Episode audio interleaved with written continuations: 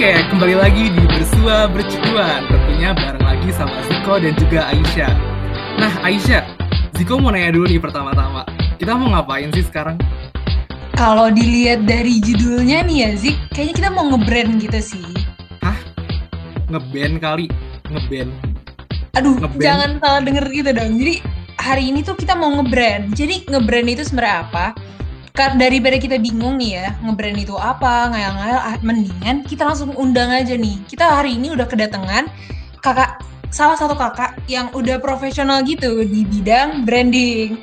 Nah, kita hari ini sudah kedatangan Kak Winnie Andam. Jadi, Kak Winnie Andam ini adalah salah seorang brand developer di sebuah FMCG ternama di Indonesia. Dan FYI-nya, Kak Winnie ini juga ternyata anak PCITB loh. Jadi, nggak Wow. jauh-jauh banget dan bisa relate nih sama kita nih, Zik. Gitu. Wah, keren banget sih. Jadi semangat banget nih kayak mau ngebahas apa tadi? Brand ya? Oh, bukan Nge-brand, brand. Maaf, yoi. maaf. Aduh, aku berasa orang kampungan banget gak pernah dengar istilah brand.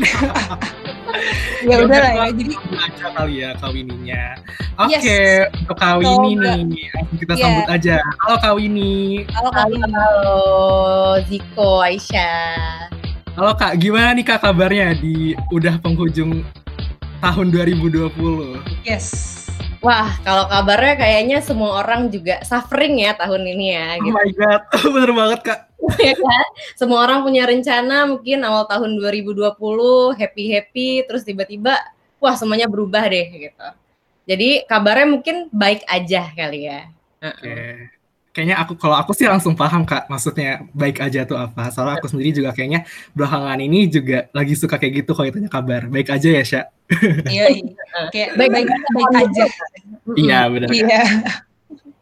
Betul. betul. Oke, mungkin dari Kak Winnie ya boleh nih diperkenalkan dulu nih Kak Winnie um, mungkin saat ini kesibukan atau pekerjaannya di mana dan ya mungkin ada yang ingin disampaikan dari perkenalkan. Hmm, oke. Jadi eh, sebenarnya kesibukan setahun terakhir eh, more or less sama. Cuman dari Hmm. kasur eh, ke meja makan atau ke ruang keluarga atau mungkin kasur juga untuk Oh, kerja. Terus balik lagi ke kasur buat Netflix sama Twitteran.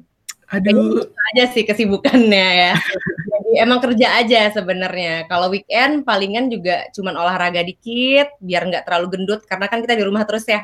Jadi kayak makan Kak. terus kan. Nah, terus udah gitu sama palingan kita eh, zooming atau nggak video call sama eh, teman-teman. Gitu-gitu aja sih sebenarnya kesibukan sekarang. Oh ya, dan makasih banget eh, untuk Aisyah sama Ziko juga. Jadi emang iya sekarang eh, gue ini kerja sebagai brand developer di salah satu FMCG company gitu. Dan uh, for your info juga sebelumnya gue nggak punya uh, background marketing atau bisnis sama sekali, tapi background Wow. gue desainer. Gitu. Wah. Wow, mantap nih ternyata Kak. menarik Iya. ya. Kayaknya makin, kayaknya makin menarik nih setelah mendengar ternyata nggak punya background marketing, desainer, tapi kerjanya jadi di marketing gitu. Iya, seru seru seru. Jadi mungkin kalau misalnya, misalnya Ziko atau Aisyah mau nanya-nanya tentang marketing boleh eh sorry, nanya tentang desain boleh banget. Itu nanti kita sekalian lah. Wah, Mantep sih. Bisa, tanya bisa. desain. Pasti udah jago ya Kak. Iya sih. Oke Nika, jadi kita karena judulnya nge-brand, jadi kita langsung pengen nanyain aja nih Kak seputar brandnya ya Kak. Eh, jadi kenapa kami mengangkat tema ini tuh soalnya kayak masih banyak nih Kak orang-orang yang sebenarnya kayak pengen ngebangun bisnis, tapi waktu ngedenger brand merek tuh kayak masih bingung gitu kayak, aduh cocoknya gimana ya? Emang brand tuh apa sih? Atau merek tuh apa ya? Atau nama produk tuh apa? Masih bingung sebenarnya gimana cara ngebuat yang bener. Jadi kita mau nanya dulu nih ke Kak Winnie, eh, sebenarnya brand tuh apa sih Kak? Hmm, oke. Jadi eh, ini juga gue ngedefinisinnya setelah gue kerja beberapa lama sebagai brand developer. What I uh, know brand itu tuh tentang persepsi. Jadi sebenarnya gimana sih eh, apa ya? Gimana sih eh, persepsi publik atau seseorang terhadap eh, company kita, organisasi kita, atau bahkan diri kita? Karena kan sekarang juga udah banyak yang namanya personal branding ya. Jadi kayak semenjak orang-orang mulai jadi content creator di sosial media, brand branding itu menjadi salah satu yang eh, important gitu. Nah, kenapa sih persepsi itu penting gitu? Karena sering kali sebenarnya perse- otak kita itu menganggap persepsi itu adalah realita. Jadi ketika kita apa ya? Ketika kita apa namanya? Bisa membuat persep sebuah persepsi tertentu di brand kita gitu. itu apa ya brand itu punya power untuk membuat sebuah realita di mana kita juga punya power untuk apa ya uh, mendrive uh, behavior seseorang. Ke mana? Mungkin ke purchase intention mereka ke brand kita atau mungkin bisa ke bagaimana mereka uh, suka atau nggak sukanya sama uh, brand kita. Kayak gitu sih. Jadi it's about perception sebenarnya Oh berarti intinya sebenarnya selama ini kalau orang-orang tuh langsung ke mikirnya langsung kayak jauh ke teknis nama dan lain-lain, tapi sebenarnya inti dasar dari brand itu tuh persepsi ya kak tadi. Betul. Persepsi yang tadi itu berhubungan juga gimana orang-orang tuh suka salah uh, menganggapnya itu sebagai sebuah realita ya kak. Mm -mm, mm -mm. Exactly. Nah, nah kalau misalkan kayak gitu kak, uh, berarti sebenarnya kita tuh kalau misalkan ngebuat brand tuh uh, harus kayak mencocokkan dengan persepsi. Maksudnya gimana cara kita uh, buat ngebuat orang-orang tuh berpikir ya itu emang kita gitu berarti ya kak? Betul, iya. Dan dan mewujudkan ke realita atau enggak kak sebenarnya? Uh, jadi misalnya kalau uh, kita membuat persepsi bahwa kita membuat sebuah brand nih, misalnya hmm. Uh, kita membuat konsepnya tuh dari situ ideationnya dulu. Misalnya kayak, hmm. oh gue mau buat brand di mana orang willing to pay misalnya 100% more than the existing product misalnya gitu. Hmm. Gimana caranya? Ya lu ngebuat brand yang mungkin high end gitu. Gimana cara ngebuat? Itu kan dari situ kan kita gimana cara kita membuat brand ini dipersepsikan sebagai brand high end gitu. Nah, itu tuh uh, kita bisa membuat apa ya uh, cara-caranya kita turunin nih. Mungkin dari cara kita berkomunikasi dengan bahasa yang emang lebih educated uh, atau mungkin kita bisa memberikan kayak visual-visual yang indah enggak visual yang dangdut atau kayak pasaran di mana-mana. Bisa juga mungkin melalui uh, kayak logonya atau visual-visual elemen lainnya. Kayak gitu sih sebenarnya jadi di situlah kita membuat dari apa ya, dari konsep kita menjadi realita tuh diturunkan ke hal-hal tersebut gitu. Sehingga orang oh iya ini brand beneran high end nih gitu. Oh paham paham kak. Berarti selama ini sebenarnya orang-orang kayak suka salah paham duluan gitu ya kak? Kayak dia langsung menurunkan ke high end dulu, tapi nggak ke ideation di awal persepsinya dulu gitu ya kak? Kalau kesalahpahaman orang-orang yang biasa kita temukan gitu. Iya betul, iya benar. Jadi langsung eksekusi aja. Jadi kalau misalkan apa ya, sebenarnya dalam membuat brand tuh kita harus uh, strength dulu dalam ideationnya dulu. Ideationnya di brand itu kan banyak banget ya, kayak hmm. uh, gimana cara kita menentukan consumer uh, target kita, terus udah gitu kayak sebenarnya purpose brand kita apa, value kita apa yang mau kita bawakan, atau enggak kayak personality personality traits kita, uh, brand kita tuh kayak gimana sih? Kalau brand kita itu orang sebenarnya uh, si brand ini akan seperti apa? Apakah orangnya akan pendiam atau orangnya akan lebih apa namanya? Uh, apakah orangnya mungkin lebih ekstrovert atau gimana gitu? Itu core harus kita strength dulu gitu. Baru kita nanti nyusul ke apa ya? pecahan-pecahan tadi yang tadi elemen apa? elemen visualnya kayak logo, uh, tipografi atau mungkin ke apa ya? apa namanya? tone and manner-nya atau mungkin ke tagline-nya baru kita turunin. Jadi kalau kita langsung jam langsung ngerjain apa namanya si logonya, elemen hmm. visual, visual lain atau cara kita komunikasi, itu nanti kayak gado-gado jadinya. Jadi kayak Bener banget sih, Kak. Bisa jadi kalian kayak oh oh yang satu misalnya kayak visualnya kayak high end banget pas sudah ngomong norak gitu kan nggak nyambung kan. Jadi yeah. Uh, jadi kita harus strength di uh, core apa ya, uh, core proposition sama personality si brandnya dulu, baru kita turunin ke hal-hal tersebut kayak gitu. Wah, mantep banget sih Kak. Ternyata dari dari core-nya aja tadi ternyata detailnya banyak banget gitu ya. Kayak pasti harus kita harus nguatin di core-nya dulu. Nah, setelah tadi ah. kayak ngedengar penjelasan tentang core dari si brandnya ini nih Kak. Sebenarnya ini sebenarnya pertanyaannya cukup simpel sih Kak. Jadi kayak emang sebenarnya brand tuh penting ya Kak? Kalau menurut kak, uh, kakak pribadi nih kak, kan tadi kan ngebuat brand tuh kayak sebenarnya ya tadi prosesnya banyak, terus kayak tadi brand tuh ya kedengarannya kayaknya keren gitu penting. Nah tapi sebenarnya dalam ngebangun bisnis ini itu sebenarnya punya brand tuh sebuah hal yang penting, urgent atau gimana sih kak? Mm -mm. Jadi kalau menurut gue mungkin karena apa ya? Mungkin karena basic gue juga desainer kali ya. Jadi gue hmm. udah uh, cukup uh, mengerti juga sih sebenarnya penting atau enggaknya brand dalam sebuah bisnis gitu. Uh, tapi apa ya orang banyak yang apa ya ibaratnya overlook uh, brand itu sebenarnya nggak penting-penting banget padahal it's really important kenapa soalnya uh, ibarat benda gitu brand itu tuh yang memberikan hidup atau soulnya gitu yang ngebuat si benda ini bisa kita bisa tahu nih kita suka atau enggak sama benda ini gitu. Jadi apa ya? Uh, dengan adanya brand ini tuh misalnya kalian udah punya bisnis nih. Misalnya hmm. uh, siapa ya? Um, jadi kalau kalian udah punya bisnis itu uh, dengan si bisnis ini dengan adanya brand tuh kita bisa ngasih identitas gitu. Identitasnya itu yang bisa membedakan antara bisnis satu dengan bisnis lainnya. Nah, hmm. jadi orang nggak mau ingat bisa recall.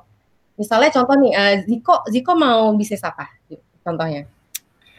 Belakangan ini aku lagi pengen ini sih kak tanaman hias. tanaman hias. Soalnya uh, ya, soalnya kan kayak apa ya sumpah gitu kak selama kuliah. Jadi kayak ke sana tuh monoton hmm. terus kayak pengen lihat yang seger-seger. Jadi kayak kepikiran pengen tanaman hias sih kak.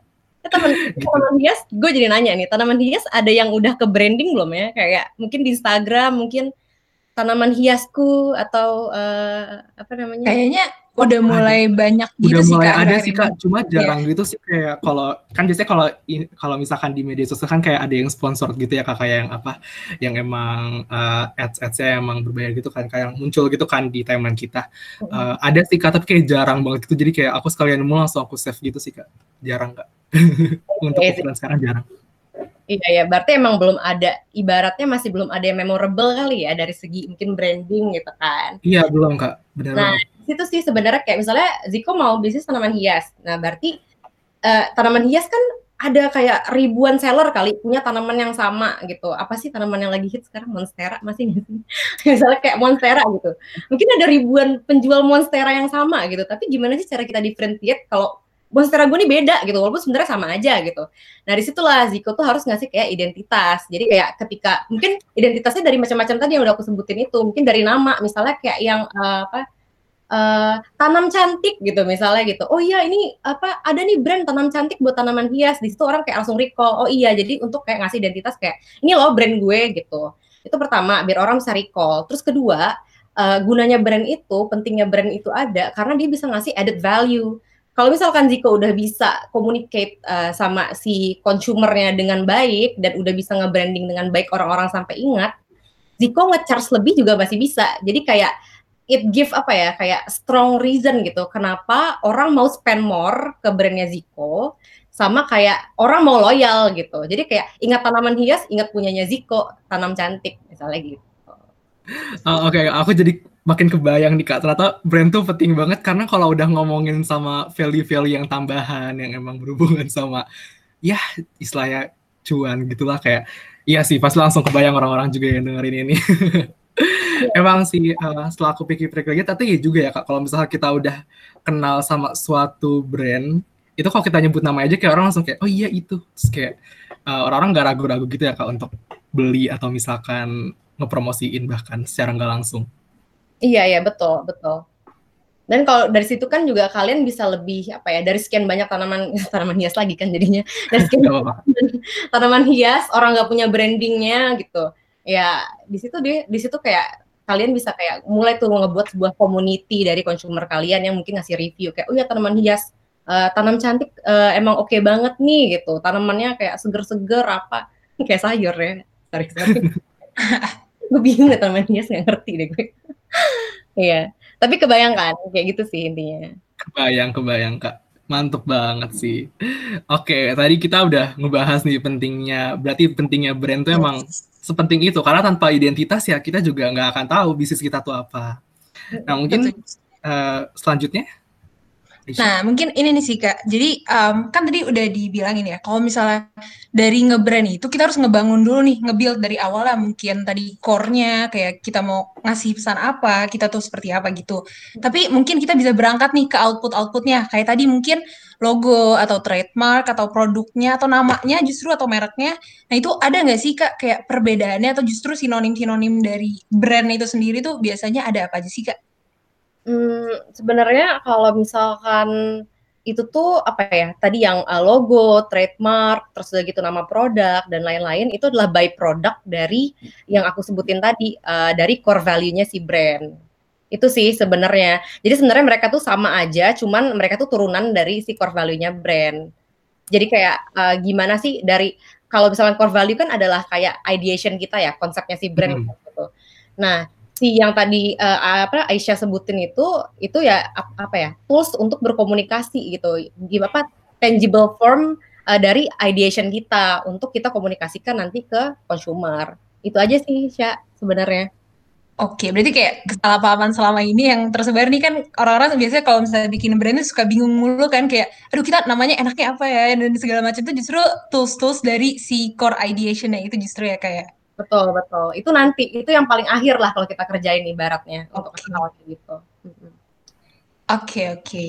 Mungkin um, kita bisa lanjut lagi nih kayak Ziko ke pertanyaan berikutnya langsung nih gimana? Kalau dari Ziko gimana? Nah, kan udah ngebahas nih kak tadi tentang pentingnya brand, terus habis itu tadi juga terakhir sinonim atau mungkin istilah yang mirip-mirip sama brand. Nah mungkin ini bagian yang agak ditunggu-tunggu sih kak.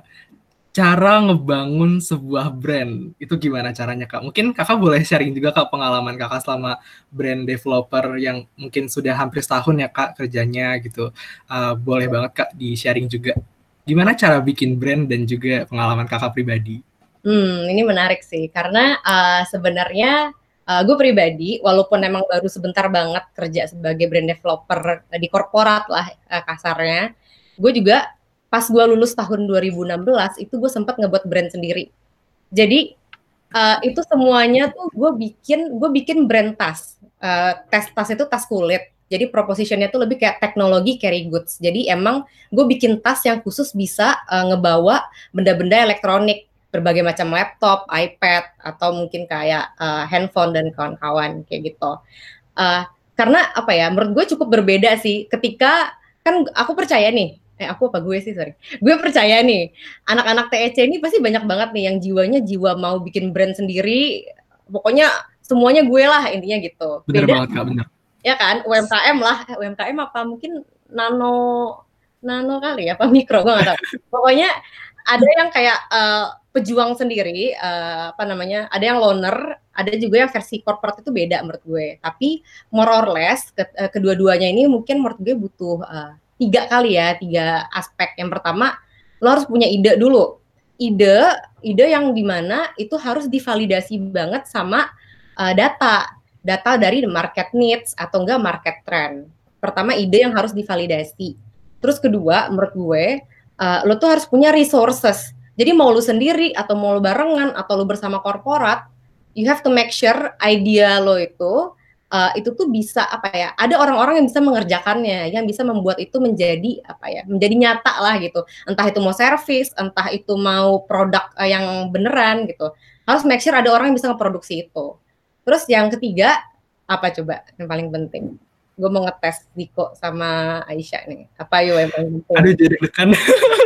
jadi gembleng mendadak idenya udah ada resource datanya udah resource-nya udah ibarat ini ya sih marketnya ya bukan uh, bisa jadi bukan, ya.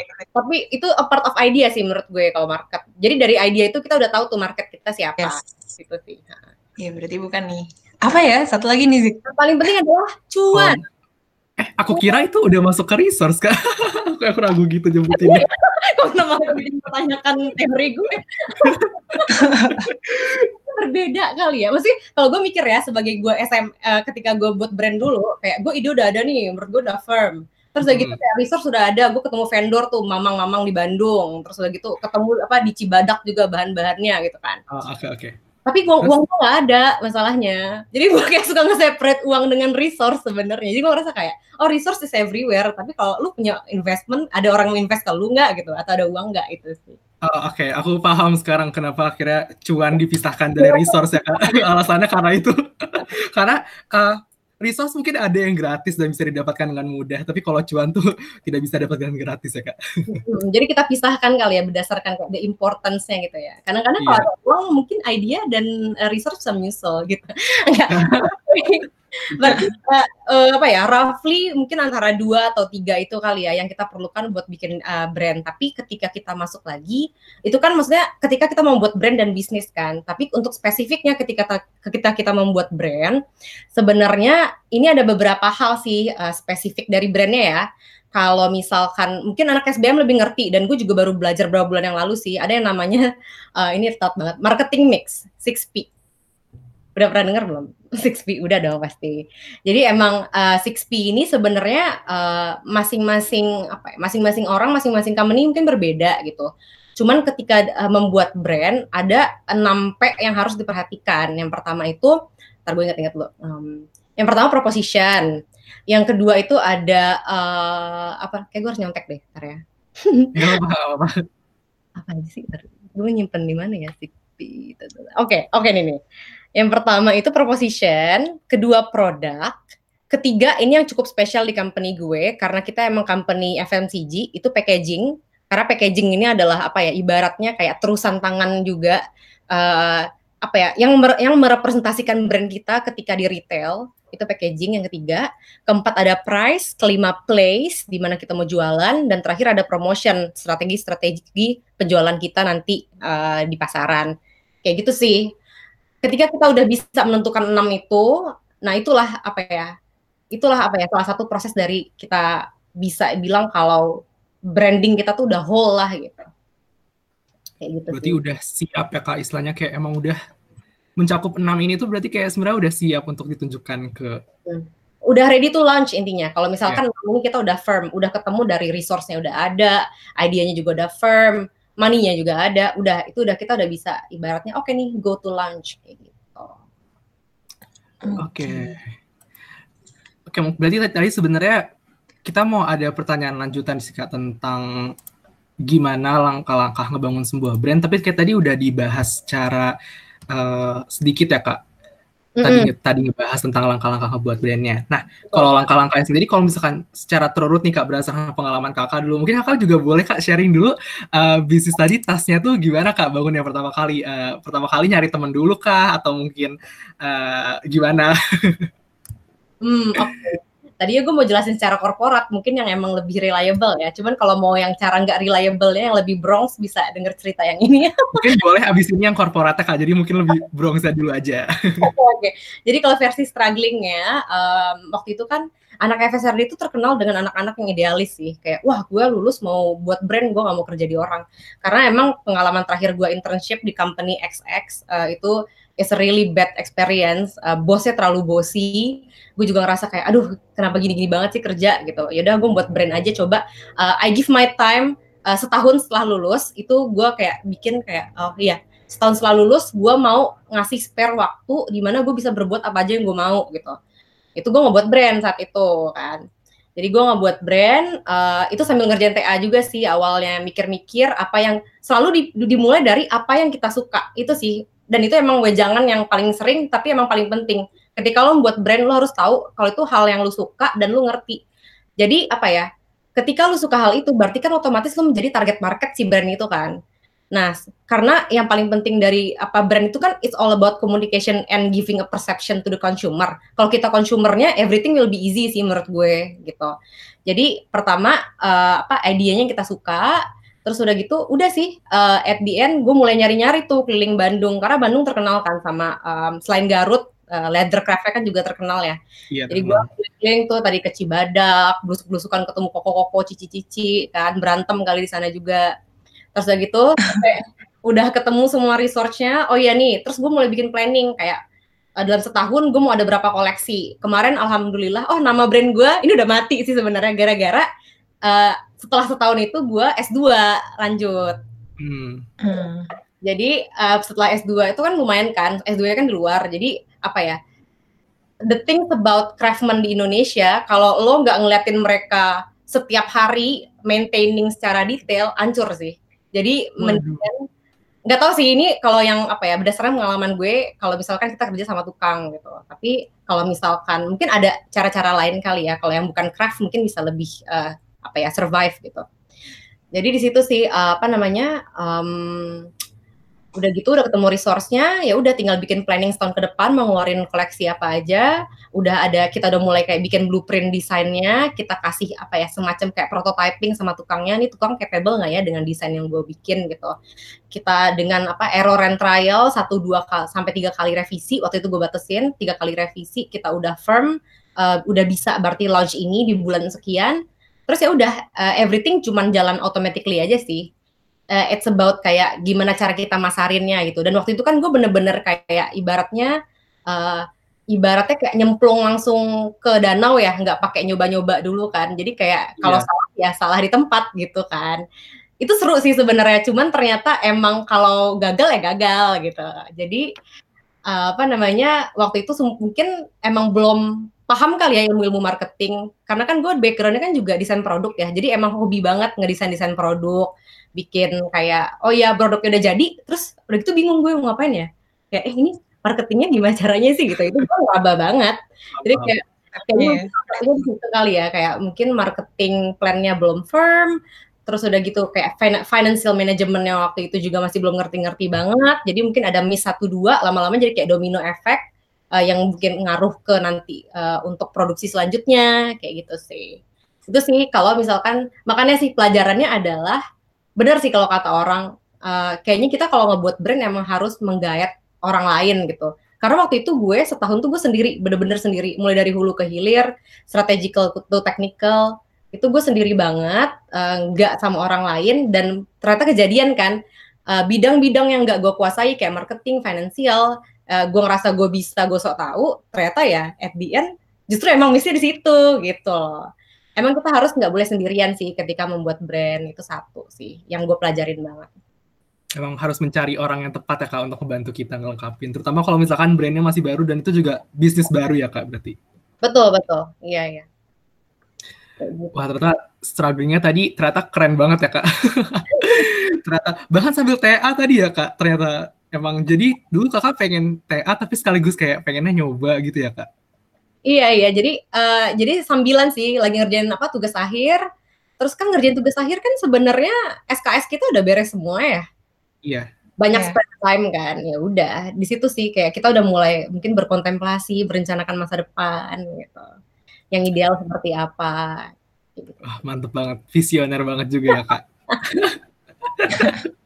nah kalau tadi kan mungkin uh, istilahnya kayak membangun brandnya sekaligus membangun baru nih kak bisnis tadi ya kayak emang harus uh, mencakup banyak aspek juga. Nah kalau misalkan tadi yang versi company-nya nih kak, kayak gimana sih kalau ngebangun brand di company itu?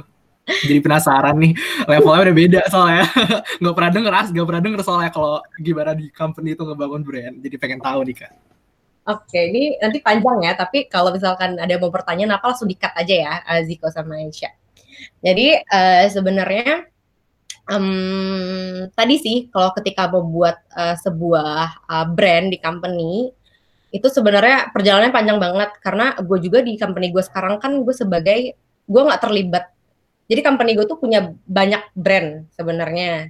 Nah, ini kalau gue ini di divisi baru, namanya divisi New Brand Development. Jadi kalau misalkan apa ya, karena company kan mereka harus tetap agile ya, harus selalu punya portofolio baru setiap yeah, uh, beberapa tahun atau gimana gitu. Nah, itu sih yang gue kerjain sekarang. Jadi kita masih exploring kayak kira-kira untuk company ini dengan resource yang company ini punya, uh, brand apa ya yang cocok untuk kita launch gitu. Itu sih kerjaan di divisi gue. What I learn uh, this past eight months itu sebenarnya banyak banget sih.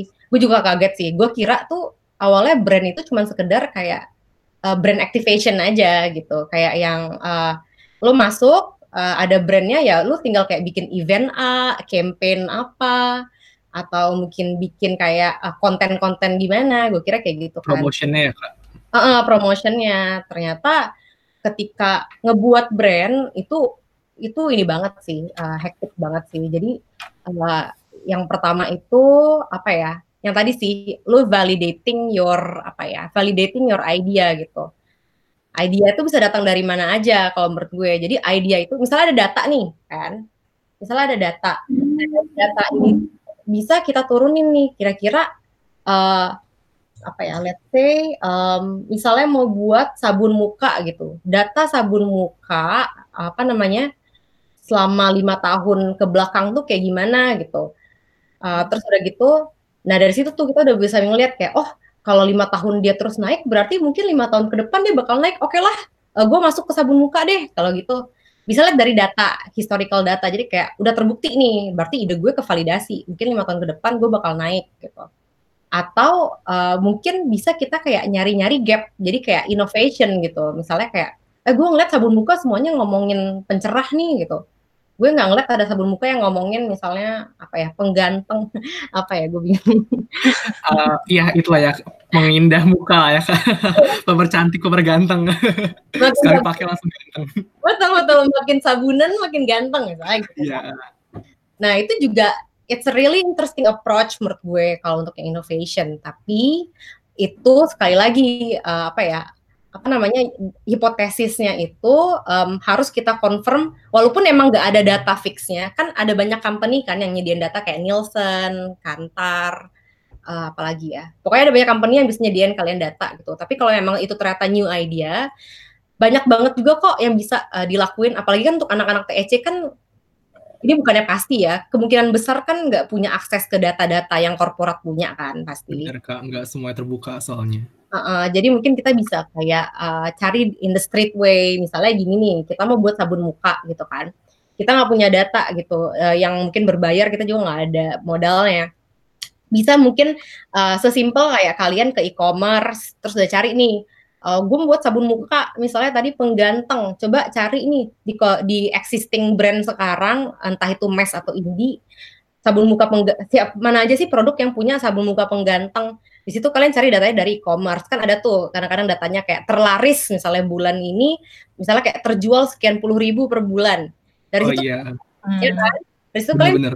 nih kayak misalnya kayak Garnier Nivea apa-apa terus begitu kalian uh, seri apa seri A seri B seri C penjualan per bulan segini dari situ kalian udah ketahuan tuh oh berarti penjualan per bulan terbesar itu ada di sabun muka kategori ini gitu terus udah gitu dari situ sih kalian udah bisa kayak ngelihat kayak sebenarnya oh berarti bisa banget nih kalau gue masuk di sini gitu. Atau kayak ya gitu deh. Pokoknya data-data yang kalian kumpulin sendiri yang kayak kalian kalian craft sendiri gitu.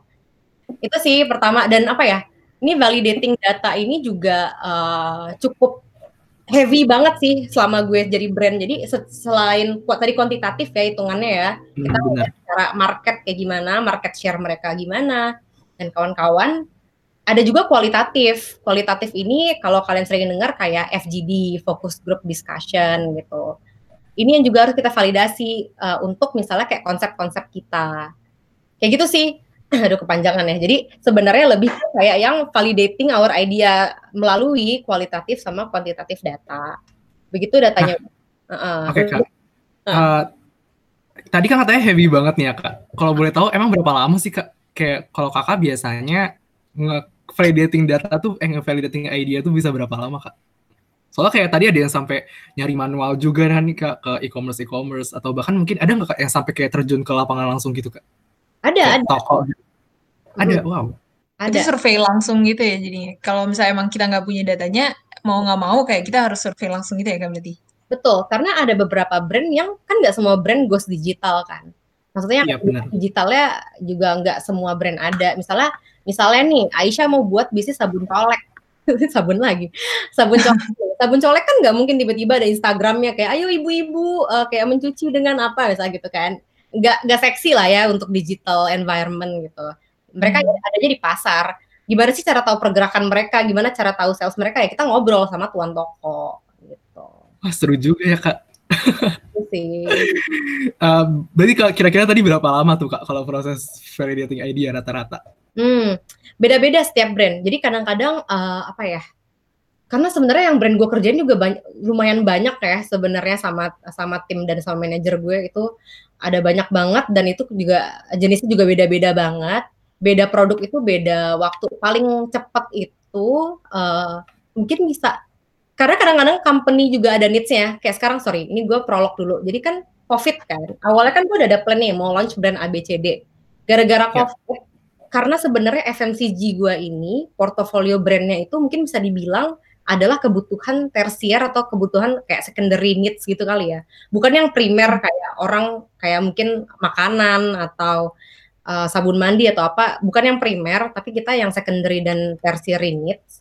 Jadi apa ya um, port, apa ya kayak company waktu itu kayak lumayan huru hara lah gitu. Pengen mencari ada nggak ya brand portofolio brand yang crisis proof? gitu yang kalau ada krisis uh, kayak corona atau mungkin nanti resesi atau gimana kita tetap survive kayak gitu itu beda-beda banget uh, apa namanya waktunya kalau misalkan emang company butuh cepet banget, kita bisa percepat mungkin maksimalnya sampai 1 sampai 2 bulan gitu untuk risetnya. Tapi kalau misalkan emang kita punya waktu yang cukup lama, emang kita nggak keburu-buru, atau sebenarnya memang ini market itu company nggak punya pengalaman sama sekali mau ngebuat brand ini, ya kita mungkin ada satu project gue yang mungkin sampai makan kisaran enam bulan itu buat buat ngevalidasiin kayak ini sebenarnya consumer suka warna A apa warna B sih? Atau nggak consumer suka visualnya mungkin misal misal kita ada visual-visual gitu kan di packaging mungkin ada kayak gambar daun, gambar jeruk misalnya gitu. Nih consumer sukanya gambar daun atau jeruknya di bagian atas bagian bawah sih? Kayak gitu itu tuh lama banget. Itu sih sebenarnya. Wow, iya sih kebayang kalau sampai sedetail itu iya sih itu bisa berapa lama. Kalau kalau paling lama pengalaman Kakak atau Kakak tahu gitu paling lama bisa berapa lama, Kak? Kemarin enam bulan sih. Wow, paling lama enam bulan. Kemarin enam bulan dan itu uh, dan itu juga sebenarnya paralel sih. Cuman kadang-kadang jadi misalnya nggak hanya ide aja, jadi ide udah ada, tapi kan kita nggak bisa nunggu idenya firm kan. Kita kadang-kadang emang harus hmm. nyoba kan. Jadi pas idenya udah ada, mungkin paralel packaging sama produk formula jalan gitu kan. Nah dari dari situ tuh kita uh, apa namanya validate lagi ini formula kayak gini untuk target market ini cocok nggak ya? Kita balik lagi ke riset tadi kualitatif kayak lu suka nggak sama feelnya si produk uh, di muka atau badan lu kayak gitu. Itu sih paling lama enam bulan kemarin dan sebenarnya masih ongoing sampai sekarang gitu. Jadi wow. Oh. itu sih sama tapi setidaknya bisa paralel ya kak. Jadi emang emang harus paralel juga sih nggak mungkin kayak uh, free dating aja enam bulan gak ngerjain apa apa ya juga kayak salah juga gitu Betul betul. Emang nggak nggak bisa sih kalau gitu nggak akan jalan-jalan nanti brandnya bisa ketahan. Oke okay, kak, eh, gimana? Nggak sih bukan terakhir tapi kayak kesimpulannya adalah um, memang kalau company it's about validating aja sih data. Jadi apa yang kita omongin apa hipotesis kita itu harus selalu ada pertanggungjawabannya kalau di company. Enaknya kalau untuk anak-anak TEC yang mungkin kita sendiri itu kita bisa go by guts aja. Jadi kayak wah gue rasa bisa nih ide gue jalan gitu bisa aja kalian kayak nggak usah harus yang komprehensif banget datanya mungkin kayak sekedar mungkin temen ada lima teman ngomong oh ya ide bagus itu kalian udah bisa jalan juga itu sih ada perksnya gitu dan kadang-kadang kayak gitu works kok gitu karena kan ada juga yang tadi aku bilang kan ada FGD uh, eh, kualitatif gitu mungkin dengan teman ngomong bagus ya itu secara kualitatif udah terbukti gitu kayak oh ya ide lu bagus jalan aja gitu enaknya fleksibel kalau kita sendiri ya kalau company kan harus selalu divalidasi gitu aja sebenarnya iya sih. jadi ada plus minusnya lah antara fleksibel atau misalkan validasinya. Cuma kalau emang takutan banget juga justru nggak jalan-jalan ya kak?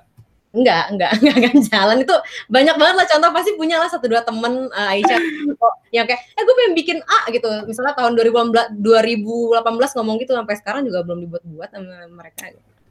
sama sih kak, kayak bahan kita sendiri juga ya Syah. Iya kayaknya sih realita ya.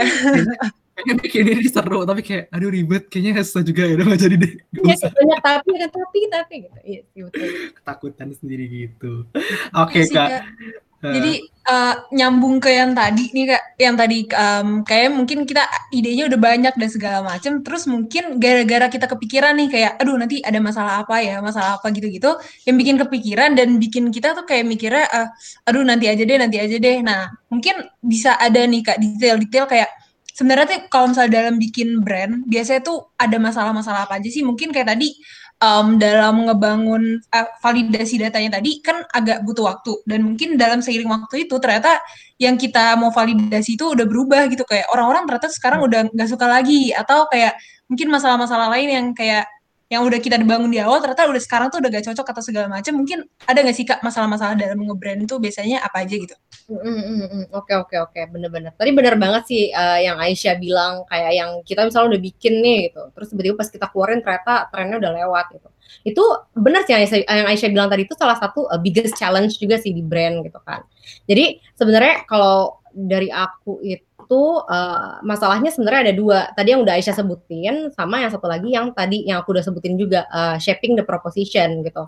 Ketika shaping the proposition itu itu about kayak coba balik lagi, coba lagi balik lagi. Jadi kayak kita punya ide, dites lagi ke market, di, di validation lagi, kita coba lagi. Itu sih pertama itu exhausting proses, uh, tapi emang kita butuh itu uh, untuk kita punya ide yang benar-benar uh, kita yakin nih ini bakal works. Terus yang kedua yang tadi Aisyah bilang, uh, gimana caranya kita sebagai brand tetap sustain dan maintaining um, apa ya uh, maintaining um, our communication sama consumer kita gitu. Gimana cara kita stay relevant gitu ke mereka gitu.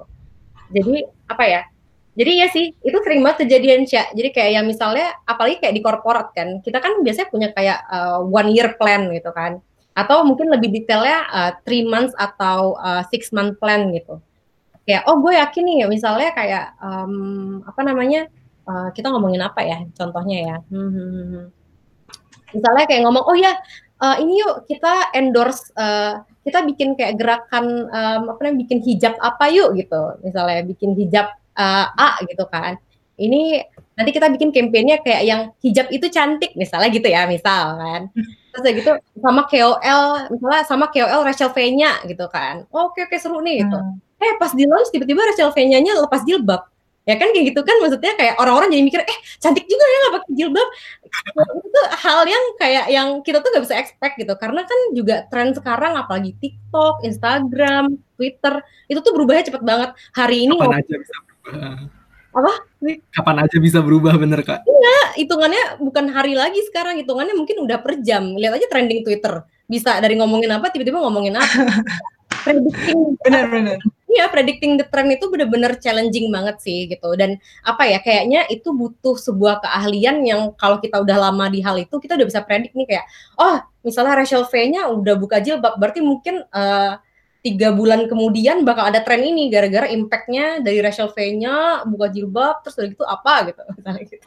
Itu gue juga masih figure out sih sampai sekarang gimana caranya kita bikin tren yang bener-bener consumer kayak wah nih gue banget nih gitu. Oh gue mau gitu sampai mungkin ada ribuan TikTok misalnya yang ngikutin uh, tren yang kita buat gitu. Itu sih itu juga challenge sama masalah-masalah yang kita temuin sih sebenarnya cara berkomunikasi kayaknya unik sih kak kalau belajar soal tren kayaknya emang harus orang yang tiap hari mantengin sosial media ya kak yang yeah, emang belajar aja banyak ya. Yang mungkin gitu ya, ya. Uh, yang sehari mungkin bisa ngabisin berjam-jam di depan Instagram sama Twitter. Mungkin kayak uh, kamu saya rekrut ya coba kamu pelajarin trennya. Kamu udah lima tahun kan mainnya tiap hari. Jadi paham gitu trennya. Atau beneran ada kak? Ternyata ada yang kayak gitu actually ya itu juga yang kayak uh, gue kan selama ini kan bikin maksudnya kayak uh, bikin uh, ideation brand aja kan. Kayak enam bulan pertama gue kerja tuh gue bikin ideation brand aja. Gue belum pernah yang namanya kayak brandnya di launch itu gue belum pernah gitu. Karena semenjak pandemi hmm. rencana gue berantakan gitu kan. Terus dari itu akhirnya akhirnya alhamdulillah ada satu brand yang uh, launching. Terus dari itu di situ gue mulai ngerasain kayak oh gini ya kalau brand udah launching itu ternyata maintainingnya kayak gini gitu itu gue baru tahu ada divisi khusus yang kayak gitu Ah iya, benar berarti ya. Ternyata benar ada kak divisi yang emang untuk kayak maintaining dari sisi trennya gitu trending. Ada kerjaan dia berarti hmm. kerjaan dia tuh beneran main Instagram, main Twitter, main hmm. TikTok secara profesional itu yang dia lakuin. Oh kayak gitu. ya, ini menjadi satu profesi yang jadi inceran beberapa tahun lagi deh kak. Iya, iya kayak banyak kayak yang kayak nggak di, nggak diduga-duga terus ada gitu ya profesinya berarti ya. Ada ada sosial media manager berarti namanya ya. Sosial hmm. media atau media manager. Jadi kayak itu kerjaan dia gitu. Kayak kayak kan kadang-kadang gue kerja samping dia kayak anjir nih orang enak banget hidupnya ngeliatin cewek-cewek joget enggak sorry kayak atau ngeliatin apa gitu tapi setiap minggunya mereka dia ngasih laporan kayak oh tren di sini hmm. lagi banyak ngomongin ini gitu dan kita emang ada kayak apa ya um, yang kita gunakan itu namanya sprinkler gitu jadi itu kayak uh, social media insight di mana di, dia punya dashboard untuk kayak uh, kita misalnya bikin hashtag nih, um, hashtagnya apa ya? Um, nanam cantik di rumah gitu kan, campaign kita misalnya. Ya di situ tuh kita bisa kayak nge-track sebenarnya ada berapa puluh ribu orang yang ngomongin tentang ini. Terus impresi dari nanam nanam di nanam cantik di rumah itu baik atau buruk di orang-orang itu kita bisa apa ya? Ibaratnya kayak kita bisa tahu semua lah gitu. Kayak gitu sih itu sebenarnya kompleks walaupun kesannya ece-ece di surface tapi pas kita lihat cara mereka bekerja tuh kompleks banget paham sih kak. Kalau udah urusan kuantitatif tuh, wah itu sesuatu yang emang sebenarnya kompleks banget sih. Wah, ternyata seru juga ya Syah. Jadi ya, berminat mungkin, ya. Aduh, nah ini nih kayak udah mulai berpikir apa ke sana gitu kan. iya. Kayaknya seru nih. Gara-gara pandemi jadi berpikir apa iya ya mulai ngelirik-ngelirik ke sana gitu. Ke sosial media. Menarik, menarik. Sosial media manajemen. Ya mungkin nggak tahu sih, tapi kayaknya baru aja gitu sih kak. Jadi kayak maksudnya um, baru akhir hari ini kan. Jadi kayaknya uh, kenapa tidak dicoba gitu kan teman-teman. Mungkin Ziko juga udah mulai berpikir nih ke arah hmm, sana. Iya. uh, mulai berpikir kayaknya wah ternyata ini seru juga nih kan tadi seperti yang kau ini bilang di awal dari hal yang kita sukain iya iya jadi mungkin kalau lama-lama suka lah ngikut aja nih kayaknya Nah, tadi kayaknya udah ngebahas juga sih Kak, masalahnya tadi baru di bagian yang istilahnya kayak bagian validate ide-nya gitu ya Kak. Hmm. Nah, ini mungkin kita balik lagi ke juga pertanyaan ke sebelumnya tentang setelah validasi ide, tadi mungkin lanjutannya tadi langsung launching atau sebelumnya ada apa dulu sih Kak? Um, jadi dari validasi idea, di situ tuh kita udah mulai uh, bekerja sama sih sama uh, across division gitu. Jadi kayak yang tadi kan ada apa namanya um, kita kan udah mulai dari 6P tadi kan kita udah mulai harus membuat produk ya. Jadi di situ tuh dari idenya udah firm, target marketnya udah firm. Nah di sini kita udah mulai uh, apa namanya ngebuat lebih detail lagi nih. Tadi kan udah ada gambaran ini uh, sabun pengganteng. Aduh ini dikat aja sabun pengganteng gue agak-agak kesal juga sih. Kenapa gue gak mikirin contoh lebih baik ya? Tunggu. Ya pokoknya ini kita ngomong general ya jangan pakai nanti gue lama-lama ngasih apa contoh aneh-aneh lagi. Jadi um, jadi kita udah mulai mendetailkan si produk gitu. Si produknya ini mau apa aja kayak uh, apa benefit yang kita kasih ke produk di produk kita atau jasa atau uh, service kita tuh apa aja gitu. Apa sih kelebihannya dibandingkan kompetitor yang udah kita punya gitu kan di situ sih itu bakal tektokan banget sama namanya kalau di company gue ada product innovation and development. Di situ kita bareng-bareng kayak nge-crafting nih produknya uh, dari segi formula gimana, sensori si produknya gimana, terus gitu packagingnya kayak gimana, tadi warnanya atau mungkin kayak tampilan visualnya dan kawan-kawan. Nah setelah itu udah oke, okay, uh, kita mulai nih ngomongin, tapi paralel juga sih sebenarnya. Jadi paralel juga kita ngomongin uh, tentang si price-nya sama di mana kita bakal jualan tadi dan sama kayak strategi cara kita jualannya itu sama tim namanya um, uh, consumer mas eh gue lupa. Apa sih namanya? Itu adalah tim CMM lah. Itu kayak tugasnya mereka tuh sales lah untuk jualan gitu. Di situ sih kita bakal nentuin kayak uh, harganya berapa uh, place-nya berapa promotionnya apa aja gitu. Place-nya di mana sorry. Itu sih sebenarnya. Dan apa ya sebenarnya ini juga insight baru sih. Um, mungkin juga tips juga buat uh, teman-teman TEC juga karena dari semua tadi uh, dari proposition, dari si produknya, packaging, price ini tuh adalah one of the most crucial things sih di Indonesia.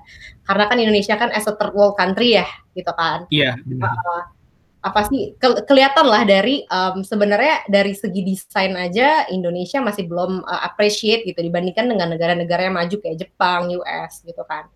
Nah, jadi kayak it's all about surviving sih di Indonesia, makanya price itu penting banget.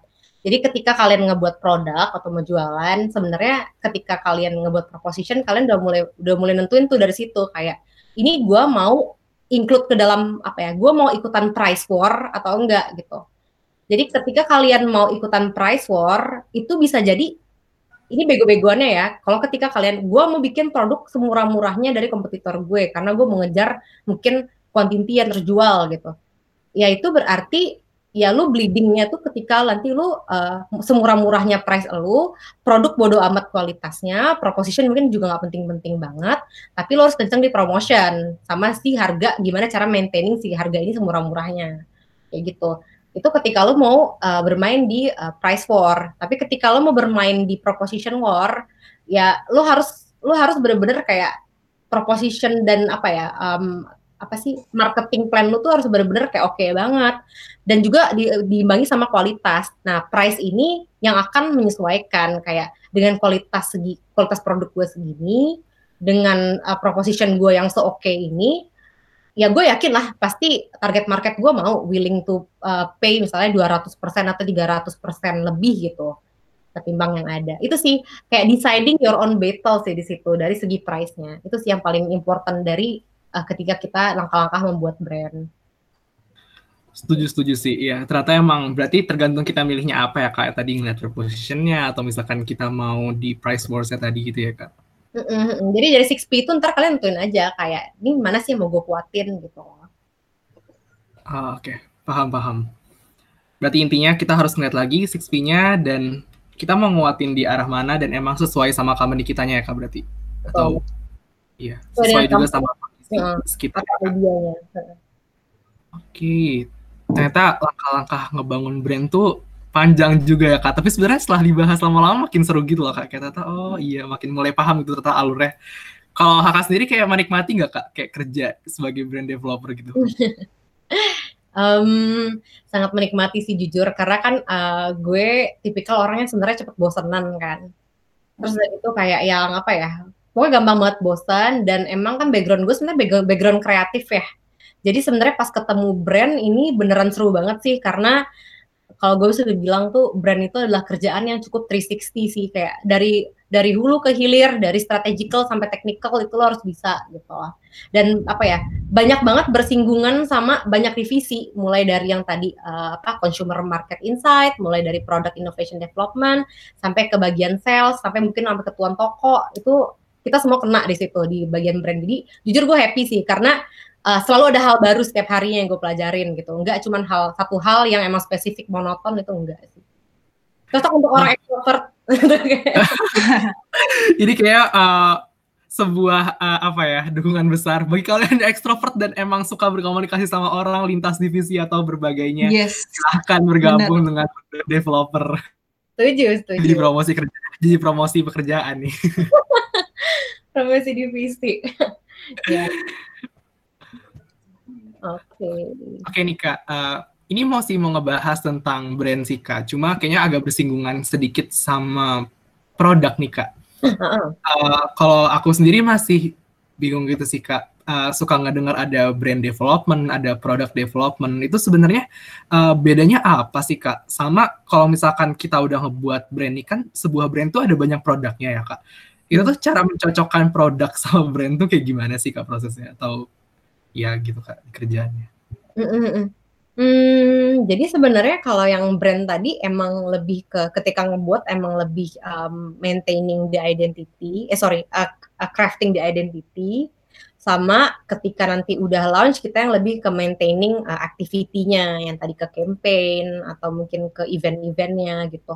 Tapi untuk produk sendiri, uh, gue nggak tahu ya di company lain gimana. Cuman kalau di company gue itu yang tadi udah gue bilang ada product innovation and development divisinya itu khusus tuh mereka uh, kerjanya itu selain uh, apa ya um, intinya mereka kerjanya ngebuat ngebuat produk sih itu kayak merencanakan inovasi produk sama membuat produk. Itu sebenarnya tugas mereka. Jadi selain apa ya selain emang kerja sama sama brand untuk make sure apakah produk yang mereka buat ini align dengan rencana brand ini mau ke mana mereka itu juga heavy di bagian research and development di R&D dan tim pabrik juga gitu. Jadi dari situ uh, apa ya ya udah jadi mereka kayak sama R&D tektokan eh ada hal baru apa nih? Uh, dari R&D ada penemuan baru nggak? Gitu. Oh misalnya gue bisa uh, oh gue nemu ini nih gue nemu bahan glow in the dark gitu misalnya. Yang edible misalnya gitu. Oh bisa nih kita buat lipstick glow in the dark misalnya gitu. Kayak gitu sih sebenarnya. Terus kayak eh brand-brand lu mau nggak? Gue ada gue ada baru nih nemu uh, lipstick glow in the dark. Bisa nggak? Apa cocok nggak sama brand lu? Oh nggak cocok. Oh nggak jadi gitu. Atau oh cocok nih gitu kan. Soalnya tahun depan ada DWP misalnya gitu. Gue mau bikin event DWP boleh nih bikin lipstick glow in the dark misalnya gitu. Kayak gitu sih sebenarnya tektokannya bedanya hmm. gitu. mereka ke produk kita lebih ke kayak yang ke end consumernya kayak gitu sih oh paham paham ternyata agak ini ya berarti emang alurnya juga agak banyak antara tadi di produk brand tapi sebenarnya tektokannya lucu juga ya kalau denger denger intinya iya. intinya kerjanya seperti itu ya kalau berarti alurnya kalau misalkan emang dari produk mengajukan ke brand tapi kurang cocok sama brandnya ya ya udah dilepas aja berarti ya kak kalau kakak berarti ya Betul betul. Oh dan satu lagi sih ini uh, apa namanya? Sama satu lagi peran pentingnya product development dan innovation itu. Uh, jadi kan kita ketika kita nge-launch brand kan kita harus selalu punya kayak uh, berita baru kan. Kalau enggak consumer pasti bosan dong kayak yang ah anjir produknya ini lagi gitu kan. Nah, jadi uh, kita harus bisa punya planning sih untuk satu sampai mungkin 2 3 tahun ke depan gitu. Nah, itu tuh juga apa namanya? sangat penting sih uh, perannya si product innovation ini dan development ini karena mereka harus bisa ngebuat kayak satu sampai dua atau tiga tahun plan gitu. Misalnya kayak tiga tahun ke depan gue prediksiin uh, misalnya uh, lipstick tipe A uh, eh, gue bakal tren jadi gue bakal ngebuat benda itu kayak gitu loh. Jadi mereka kayak ngebuat kayak rencana mereka mau launch di kapan aja dan produk apa aja itu mereka yang harus bertanggung jawab kayak gitu sih. Really crucial sih karena itu kan karena kita kan juga at the end jualan produk ya. Kita nggak Iya benar. aplikasi aja kan jadi produk juga maintaining a very crucial role sih di dalam bisnis. Oke, paham paham. Berarti emang keduanya penting, cuma emang ya emang kerjanya sedikit berbeda aja, cuma saling berhubungan ya kak. iya betul Oke, oke lanjut aja nih ke selanjutnya nih. Iya, boleh. Mungkin uh, karena tadi kita udah tahu nih kayak dasar-dasar teorinya kali ya. Mungkin kita boleh nih yang biar kita bisa lebih ke praktikalnya. Mungkin ada nggak nih Kak kayak tips-tips gimana sih caranya kalau misalnya mau berkarir di bidang brand development itu ada nggak sih Kak tips-tipsnya? hmm, tips-tipsnya ya Pengalaman pribadi aja kak. Yes. aduh apa ya Em, jangan takut nggak ada tips yang ini sih nggak ada tips yang pasti. Cuman intinya kalau mau berkarir bilang brand development jangan takut coba aja apply aja. Karena bener-bener deh eh, yakin banget eh, brand development bahkan di company gue itu latarnya banyak kan yang teknik. Jadi kayak bahkan ada nggak ya ada sih ada yang marketing ada yang mungkin il ilkom gitu. Cuman teknik banyak banget.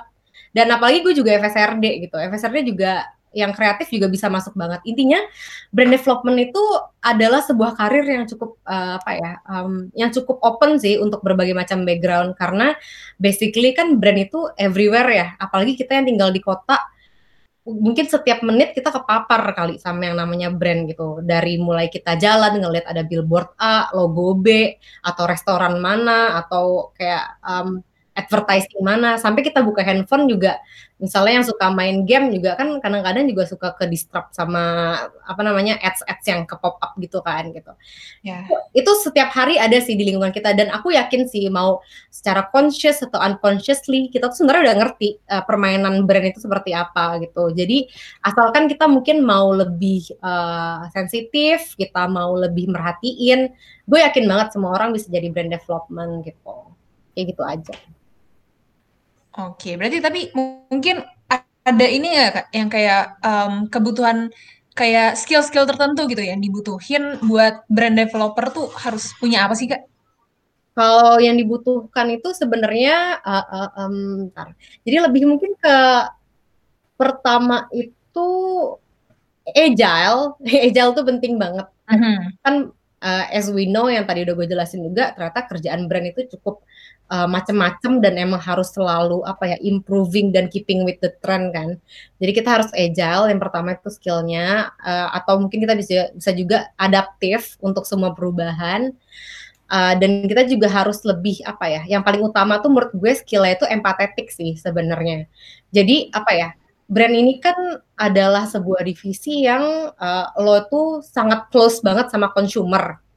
Kalau kalau lo nggak ngerti consumer lo, lo nggak bisa empathize sama mereka. Sebenarnya masalah mereka apa, yang mereka butuhkan apa. Uh, ya ya itu lo mungkin bisa dibilang gagal jadi brand develop uh, development gitu itu sih sebenarnya harus lebih kayak user centered kali ya kalau bahasa kerennya user centered uh, thinking Hmm. apa sih gue lupa ya pokoknya harus gitulah intinya harus Ya. gitulah heeh. Ya. Jadi kayak intinya kita harus bisa uh, put ourselves di shoes mereka gitu lah istilahnya. Jadi kayak kita jadi mereka gitu, kita ngerasain apaan aja, itu harus benar-benar dibangun ya kak sensitivitasnya berarti ya. betul betul. It's about soft skill sih kalau gue ngerasanya di brand. Soalnya kalau kayak secara technical skill nggak banyak banyak sih. Karena kayak technical skill ya paling uh, kebanyakan kita kerja di presentasi mentok-mentok Excel. Excel juga kayak Excel Excel basic doang. Terus udah gitu kayak yang apalagi ya yang technical skillnya. Um, baca data baca data juga semua orang bisa kali ya. Gue juga gue kan gue kan paling istilahnya paling blee lah ya di number ya. Pokoknya kalau udah tentang hitung gue nggak bisa. Karena dari dari kuliah S1 kuliah S2 semuanya desain bener-bener nggak pernah kepapar gitu kan. Kadang-kadang ketemu uh, matematika dasar aja suka gemeter gitu gue kemarin. Jadi kayak sebenarnya ya walaupun ada statistical things yang atau baca data juga itu masih dimengerti bahkan untuk seorang gue sih patokannya untuk seorang yang emang backgroundnya nggak ada di sana gitu. Jadi uh, apa ya mungkin lebih ke soft ke soft skill sih jatuhnya gitu. Oke, berarti kayak mungkin komunikasi dan segala macamnya itu yang justru lebih penting ya kayak untuk di brand development berarti. betul betul Gitu. Oke, kayak ini uh, makin seru juga nih Zik. Tapi kayaknya ya ada salah satu pertanyaan yang paling penting nih dan yang paling bisa bikin teman-teman uh, yang dengerin mungkin uh, penasaran. Ada nggak sih kak tips justru untuk membangun brand sendiri? Gimana sih untuk bikin brand sendiri biar kita bisa berwirausaha langsung nih? Ada nggak kak tips-tips langsungnya gitu? Boleh banget nih kak sharing juga pak pribadinya mungkin selama ini pernah yeah. bikin brand yes. pribadi tuh gimana rasanya bedanya kak sama kalau company gitu kan beda ya? Iya, ya iya. mungkin kayak awalnya kan kakak udah sempet coba bikin terus kayak mungkin ada nih ah harusnya gue dulu kayak gini nih ah, harusnya gue dulu ada nih yang bisa dibenerin biar better gitu ada nggak kak kira-kira? Hmm. Eh tapi di sini ada yang udah punya ada yang udah punya brand belum atau pernah nyoba bikin brand? Kamu masuk TEC? Kalau di TEC ini sih at least kalau kita pernah nyobain uh, ada salah satu fase di mana kita harus bikin produk gitu namanya business challenge. Dan di situ tuh kayak kita berkelompok sih kak emang kayak bikin brand. Terus uh, mungkin ada yang lanjut dan ada yang enggak tapi at least kita kayak pernah nyoba sih bikin kayak gitu. Oh, semacam brand. I see I see. Hmm. Oke, jadi tipsnya apa ya? Sebenarnya tipsnya mulai aja dulu, jangan wacana gitu sih bener loh kayak itu tuh beneran kayak biggest barrier sih karena itu contohnya banyak banget kayak orang kayak mau bikin brand A B C D gitu terus kayak uh, wacana terus gitu lama-lama uh, nggak dilakuin lama-lama udah ke distract sama hal-hal lain gitu dan apa namanya at the end brandnya nggak pernah jadi dan nggak pernah ada learning di situ gitu. Kayak um, itu mulai aja dulu sih sebenarnya kayak yang kemarin kan yang gue bilang gue uh, nge-spare satu tahun emang buat belajar uh, gimana cara ngebuat brand kan sebenarnya secara otodidak gitu. Dan itu adalah walaupun mungkin uh, sebenarnya at the end brandnya juga uh, mati suri dulu. Ini mungkin someday kita berharap aja ya bakal diaktifin lagi setelah semua perkorporatan ini selesai. Cuma amin amin.